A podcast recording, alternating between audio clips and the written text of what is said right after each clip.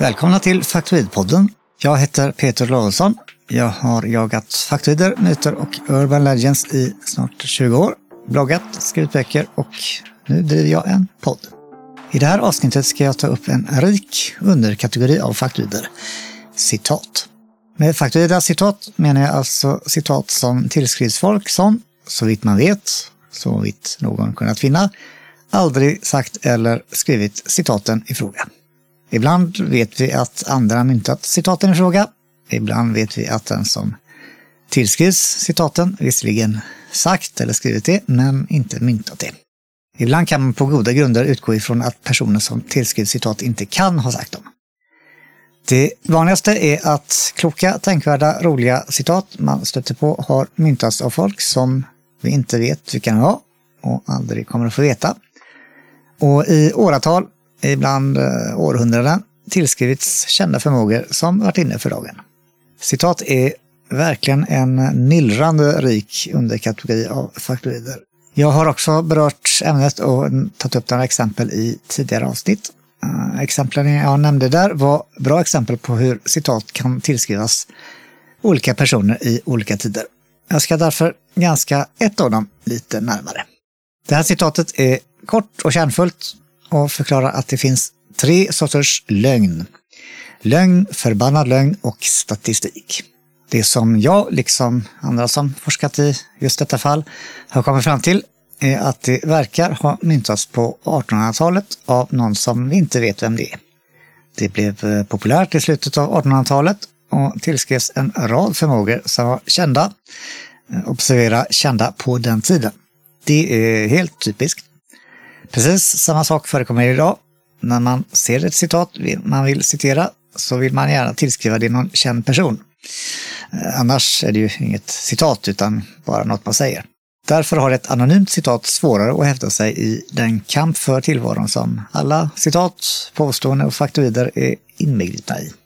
Det var det som fick folk att förknippa förbannad lögn-citatet med folk som eh, Balfour, Labouchere och Leonard Courtney. Folk som var kända i slutet av 1800-talet.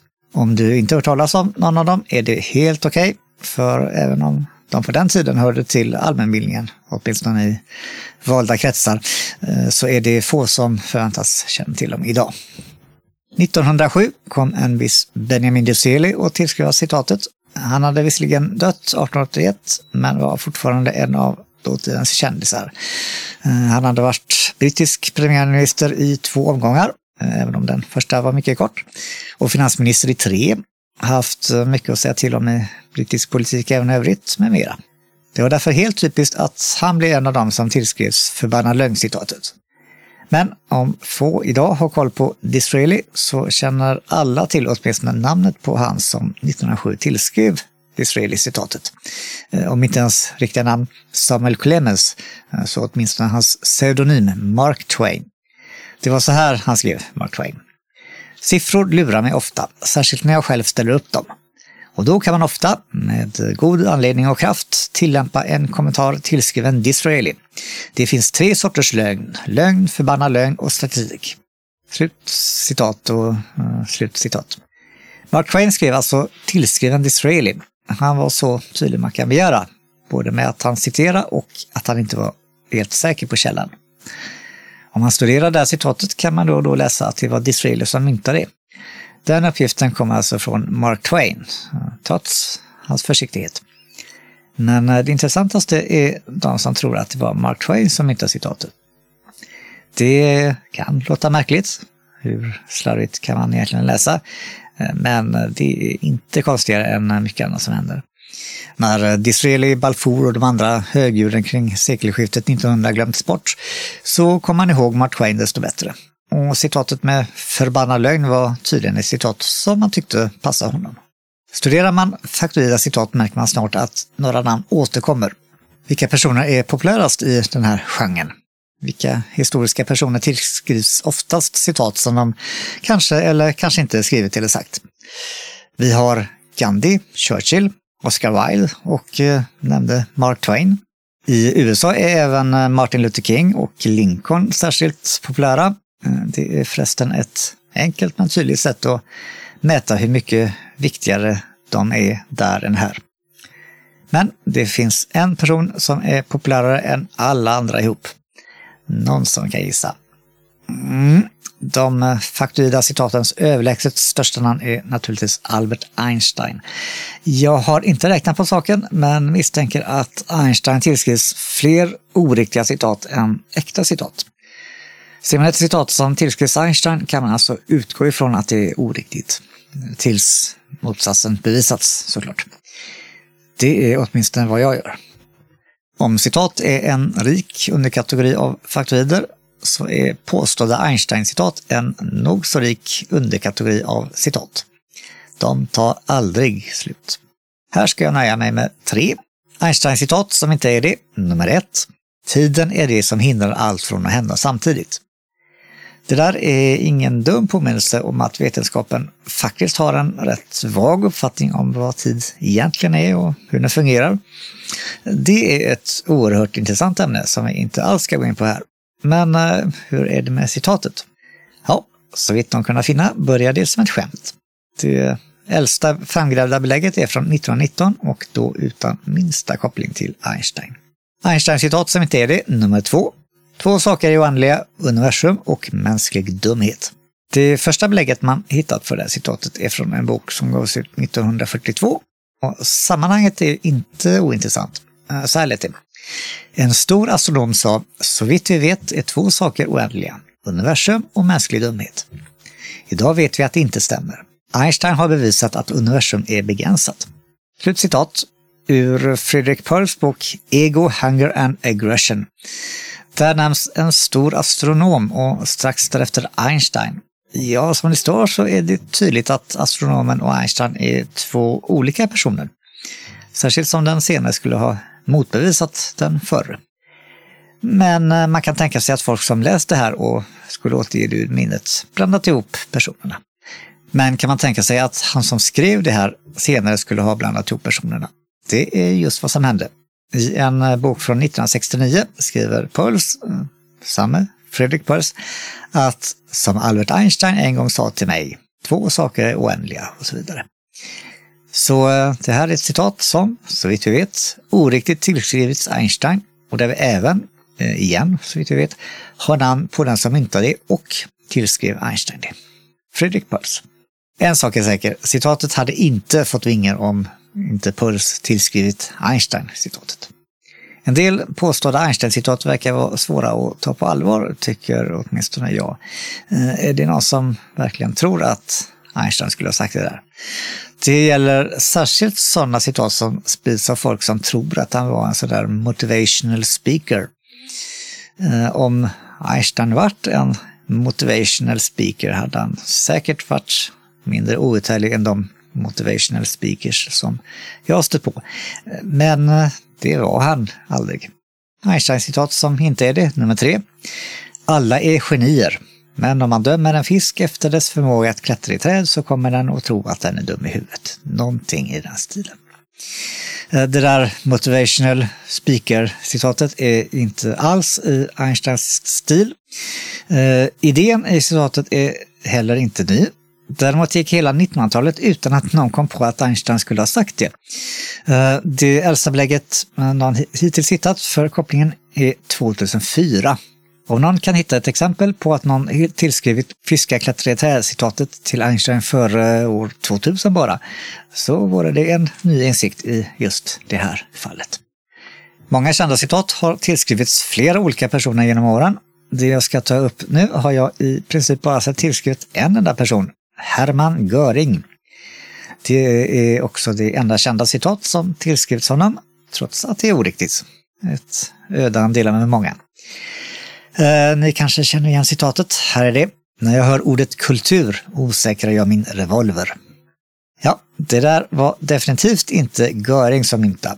Det var däremot en annan nazist, dramatikern Hans Jost i teaterpjäsen Schlageter. Eh, pjäsen handlar om den unge nazisten Albert Leo Schlageter. Han var en högst verklig person. Han avrättades 1923 för sabotage i det av Frankrike ockuperade Ruhrområdet. Snart blev han en sorts eh, nazistisk martyr som, när partiet fick allt mer att säga till om, hyllades med allt fler och större monument och parader. och minst en teaterpjäs då, av Hans Jost. Den eh, uppfördes för första gången den 20 april 1933 som en födelsedagspresent till den färske rikskanslern Adolf Hitler. Det är i akt 1, scen 1, som Fredrik Thiemann säger Nej, man måste hålla hela världsbildssalaten på behörigt avstånd. Här ska skjuta skarpt. När jag hör kultur osäker jag min Browning. Slut citat. En eh, kommentar om det där ordet världsbildssalat. Eh, det är direkt översatt efter Weltanschauungssalat. Där Weltanschauung betyder eh, världsbild eller världsåskådning. I vidare bemärkelse ideologi eller filosofi. Det ska sägas att eh, det var ett centralt begrepp inom tysk filosofi och den som använde det kunde knappast vara hur obildad eller kulturlös som helst. Det ska nämnas att det här, eh, när jag hör ordet kultur, eh, citatet används på olika sätt då och nu. När citatet var relativt nytt i svenskan kunde det användas när man talar om vilka kulturlösa barbarer nazisterna var. Men åtminstone nazisternas ledare var ju mycket intresserade av kultur, om än på ett ofta förvrängt sätt. Bara det här att citatet kommer från en teaterpjäs är ju ironiskt och räcker. Numera används citatet på ett annat sätt för att markera överkänslighet mot ett visst ämne eller så. Men det är en annan sak. I citatets original nämns alltså en Browning. Det är inte en revolver utan en halvautomatisk pistol. Eh, liksom flera andra nazihöjare gick Göring även till vardags, ofta i uniform och bar vapen, i hans fall revolver, ända fram till 1945 då hans Smith Wesson togs i beslag av de allierade. Den finns sedan dess i förvar på West Point Museum. Kan eh, detta innebära att han verkligen använt sig av uttrycket, men med en revolver istället för en Browning? Kanske felet i själva verket är en medveten anpassning? Men då uppstår ett vapentekniskt problem. Revolverar har inga säkringar. Det finns undantag, men de är ovanliga idag. Jag vet inte om de fanns överhuvudtaget på Görings tid och det är i vilket fall irrelevant. En pistol, som en Browning, kan man säkra och osäkra. Men man kan inte säkra eller osäkra en revolver. Göring kunde det definitivt inte. Detta enkla faktum nämns märkvärdigt sällan när citatet återges eller forskas i. Kanske det beror på att eh, sådana kunskaper om handeldvapen inte ingår i allmänbildningen. Kanske justeringen från Brownings revolver gjordes just med tanke på Görings favoritvapen. Och den som gjorde det ignorerade eller inte kände till det där med revolvernas obefintliga säkringar. Kanske det. Det vore inte det enda exemplet på bevingade ord som egentligen är fel ute. När vi är inne på Tredje riket kan vi ta upp det andra av de sammanlagt två citat från den tiden som blivit ordentligt bevingade. Det handlar om den stora lögnen som blivit föremål för missförstånd och vantolkningar. När man gör sökningar på det där citatet idag hittar man ofta påståenden i den här stilen. Den stora lögnen skulle ha varit ett koncept som lanserades av Josef Goebbels och det gick ut på att ska man ljuga för folk så ska man ta i ordentligt. För vanligt folk är vana vid smålögner, lätta justeringar av sanningen, men kan inte ta till sig riktigt stora lögner. Fundamentalt ljugen om man så vill. Sånt förstår de sig inte på. Det ingår inte i deras världsbild. Därför kommer en viss tveksamhet att dröja sig kvar även om lögnen avslöjas. Var det verkligen helt osant det där? Ja, det där är nog så intressant om man intresserar sig för sånt. Eh, beskrivningen är inte helt fel ute. Konceptet Den stora lögnen förekom verkligen i nazistisk retorik och beskrevs där så som jag beskrev det här. Men det var naturligtvis inget man sa att man själv använde. Den stora lögnen var något man tillskrev fienden. Och eh, den första som gjorde det, ja, han hette Adolf Hitler. Så här skriver han i Mein Kampf, eh, första delen, tionde kapitlet, och nu kommer ett lite längre citat. Genom att stämpla Ludendorff som den skyldige till att Tyskland förlorar världskriget vred judendomen och dess marxistiska kamporganisationer den moraliska rättens vapen ur handen på den enda farliga åklagare som kunde uppträda mot fosterlandsförrädarna. Man utgick härvid från den mycket riktiga grundsatsen att ju större en lögn är, desto lättare har den att bli trodd, då ett folks stora massa lättare blir fördärvade i sitt omedvetna än i sitt medvetna. och således på grund av sin primitiva enfall lättare faller offer för en stor lögn än för en liten, då de säkerligen själva ofta ljuger i smått men likväl skulle dra sig för stora lögner. Det skulle aldrig falla dem in och vara till den grad osannfärdiga. Därför tror de heller inte på möjligheten av att någon annan kan förvränga fakta på ett så oerhört fräckt och infamt sätt. Slut citat. Jag tar det igen. Den stora lögnen var ett grepp som nazisterna tillskrev fienden. I det här fallet var den fiende som eh, enligt Hitler och många med honom blåljög om att det skulle ha varit den tyska militära ledningen med Ludendorff och Hindenburg i spetsen som bar skulden för förlusten i världskriget. Det kan här nämnas att forskningen idag är helt överens om att Tysklands förlust i första världskriget verkligen berodde på att landet var militärt underlägset fienden och ingenting annat. Eh, att det skulle varit ett påhitt var grogrunden för den så kallade dolkstötslegenden. Idén att Tyskland borde ha vunnit, men förråddes av judar, socialister och medlöpare. Det är en vanföreställning och myt som icke desto mindre var etablerad sanning bland många tyskar och det kan understrykas att visserligen trodde alla nazister på den, men det var många fler icke-nazister som trodde på den. Hitler tog alltså åtminstone en gång upp den stora lögnen. Det gjorde Goebbels också, åtminstone en gång, och även han beskrev den som fiendens metod. Det var under andra världskriget som han talade om vad han kallade Churchills lögnfabrik. Hemligheten bakom den framgångsrika brittiska propagandan var att de ljög ohämmat utan att vara rädda för att framstå som löjliga. Det där är vad Goebbels yttrat i ämnet Den stora lögnen.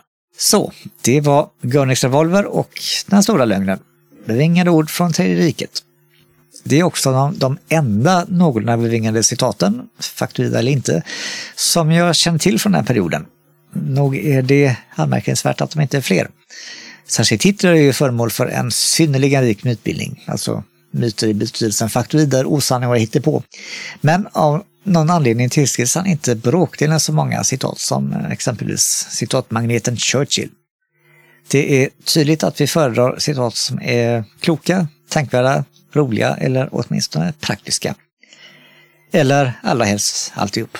Om man har ett citat på engelska som man är nyfiken på så är den givna platsen att börja leta på en sajt som heter Quote Investigator, som är ett ord, .com.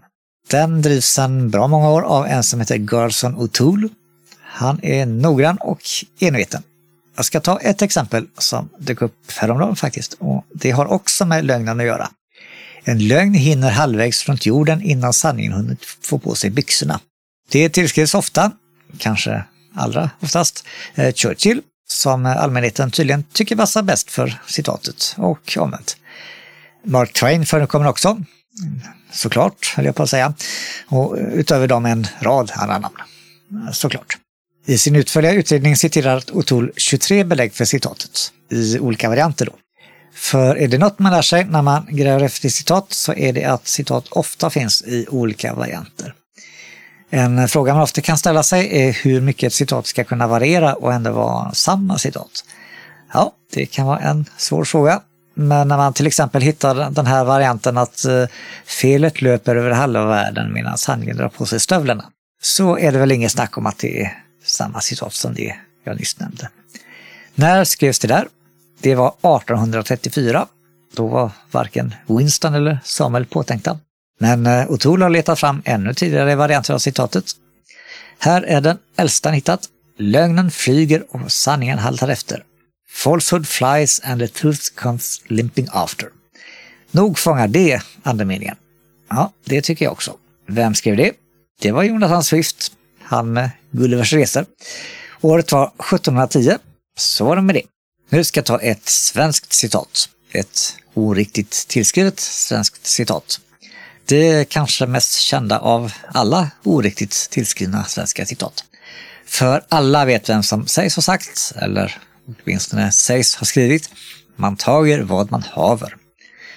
Det är heller ingen marginell upplysning om Kajsa Warg utan den mest kända uppgiften om henne överhuvudtaget. Citatet har inte bara blivit ett begrepp utan verkar till och med ha legat till grund för en modern bild av henne som i sig är en sorts myt. Sinnebilden för sparsam flexibilitet i köket, som inte låter sig hindras av brist på det ena eller andra utan som kan reda sig med det som finns och fixar en fest på en eh, limpa och en halvgul lök. den stilen. Anna Kristina Varg levde 1703 till 1769. Hon gav 1755 ut boken Hjälpreda i hushållet för unga fruntimmer. Den är mest kokbok, men rymmer även anvisningar om eh, fläktborttagning, fläckborttagning, ljusstöpning, lite om kalkonuppfödning med mera. Den blev oerhört populär. Det kan inte understrykas nog. Den gavs ut i vad som på den tiden var fantasiupplagor och försäkrade henne en evig plats i Sveriges mathistoria. Den är förresten högst läslig än idag. Eh, lätthittad och allt.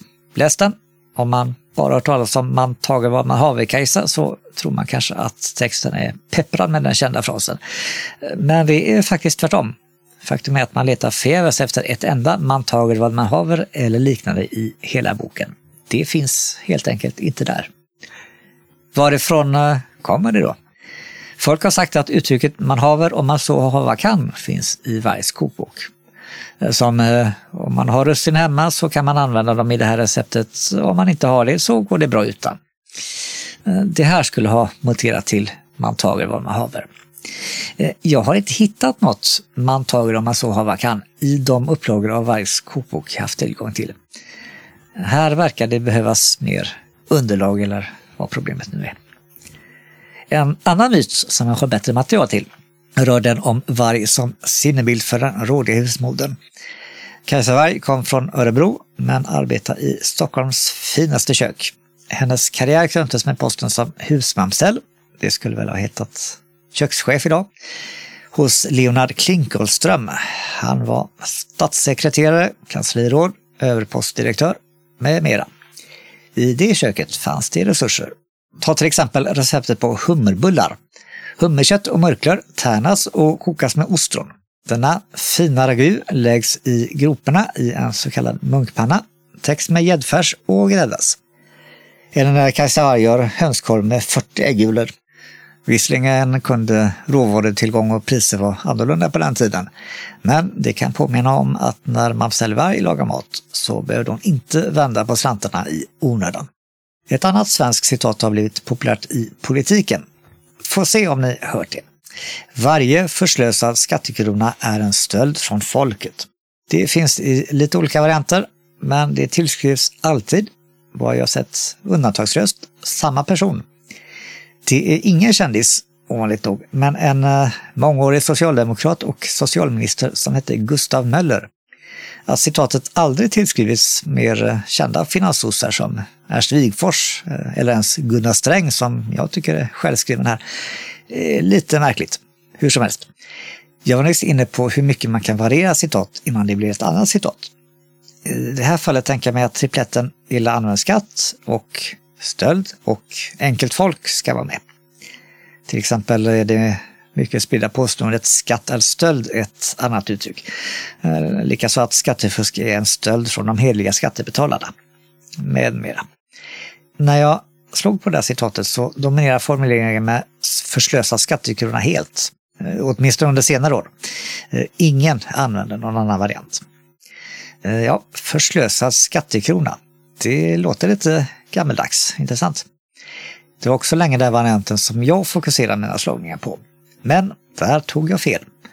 För andra formuleringar som låter modernare och tycker i alla fall jag, sämre, som eh, varje krona av skattemedel som används ineffektivt är en stöld från folket, visar sig vara äldre än den eh, med förslösad skattekrona. Hur är det då med citatet om Möller? Har han sagt eller skrivit det där om den förslösade skattekronan i en eller annan variant? Inte vad någon har funnit. Åtminstone inte vad jag har funnit. Och jag har inte sett att någon annan grävt djupare. Eh, det första belägget jag hittar för citatet med den förslösade skattekronan är från en riksdagsdebatt 2004. Det första belägget för citatet jag hittat i någon som helst variant är från 1989. Då hade Möller varit död i 19 år. Så Möller har inget med det här citatet att göra. Om eh, ingen kan visa något annat, såklart. Jag pratade om eh, kändisar och citatmagneter nyss. Eh, då känns det märkligt att vi här har en politiker som idag är praktiskt taget enbart känd för något som han, som det verkar, aldrig sagt och aldrig skrivit. Men så kan det gå. Jag ska avsluta det här avsnittet med ett citat som inte tillskrivs en särskild person utan ett helt folk. Eftersom alla tyskar, allmänt, alltid och överallt, kallar oss svenskar Die dummen Schweden, de dumma svenskarna. Det talesättet är det många svenskar som känner till, men desto färre tyskar. Det beror på att uttrycket bara finns i Sverige.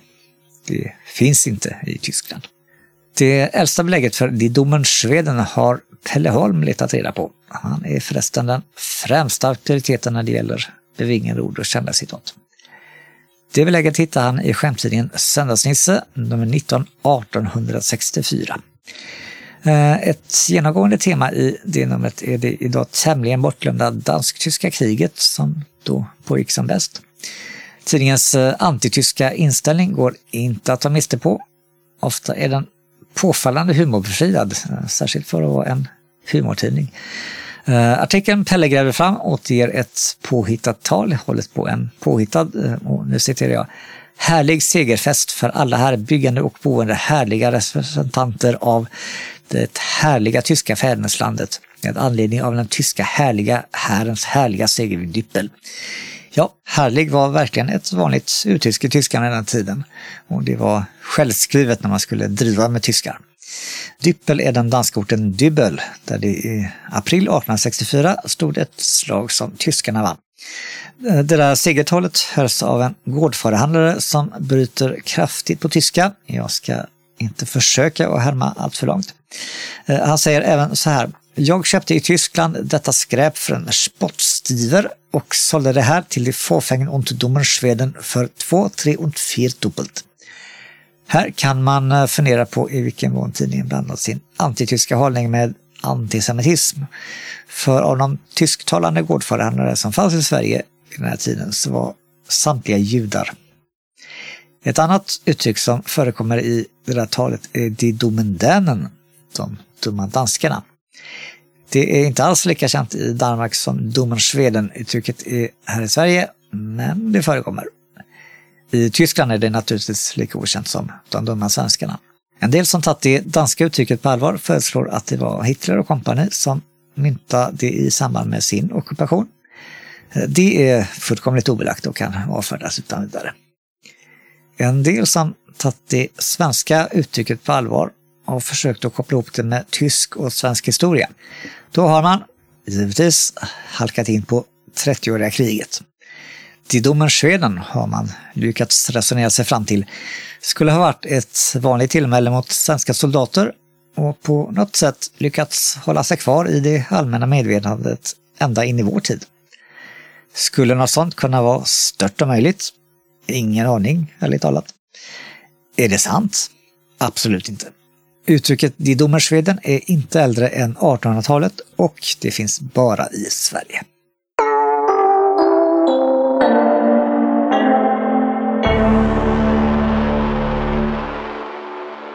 Det här var ett avsnitt av Faktudpodden.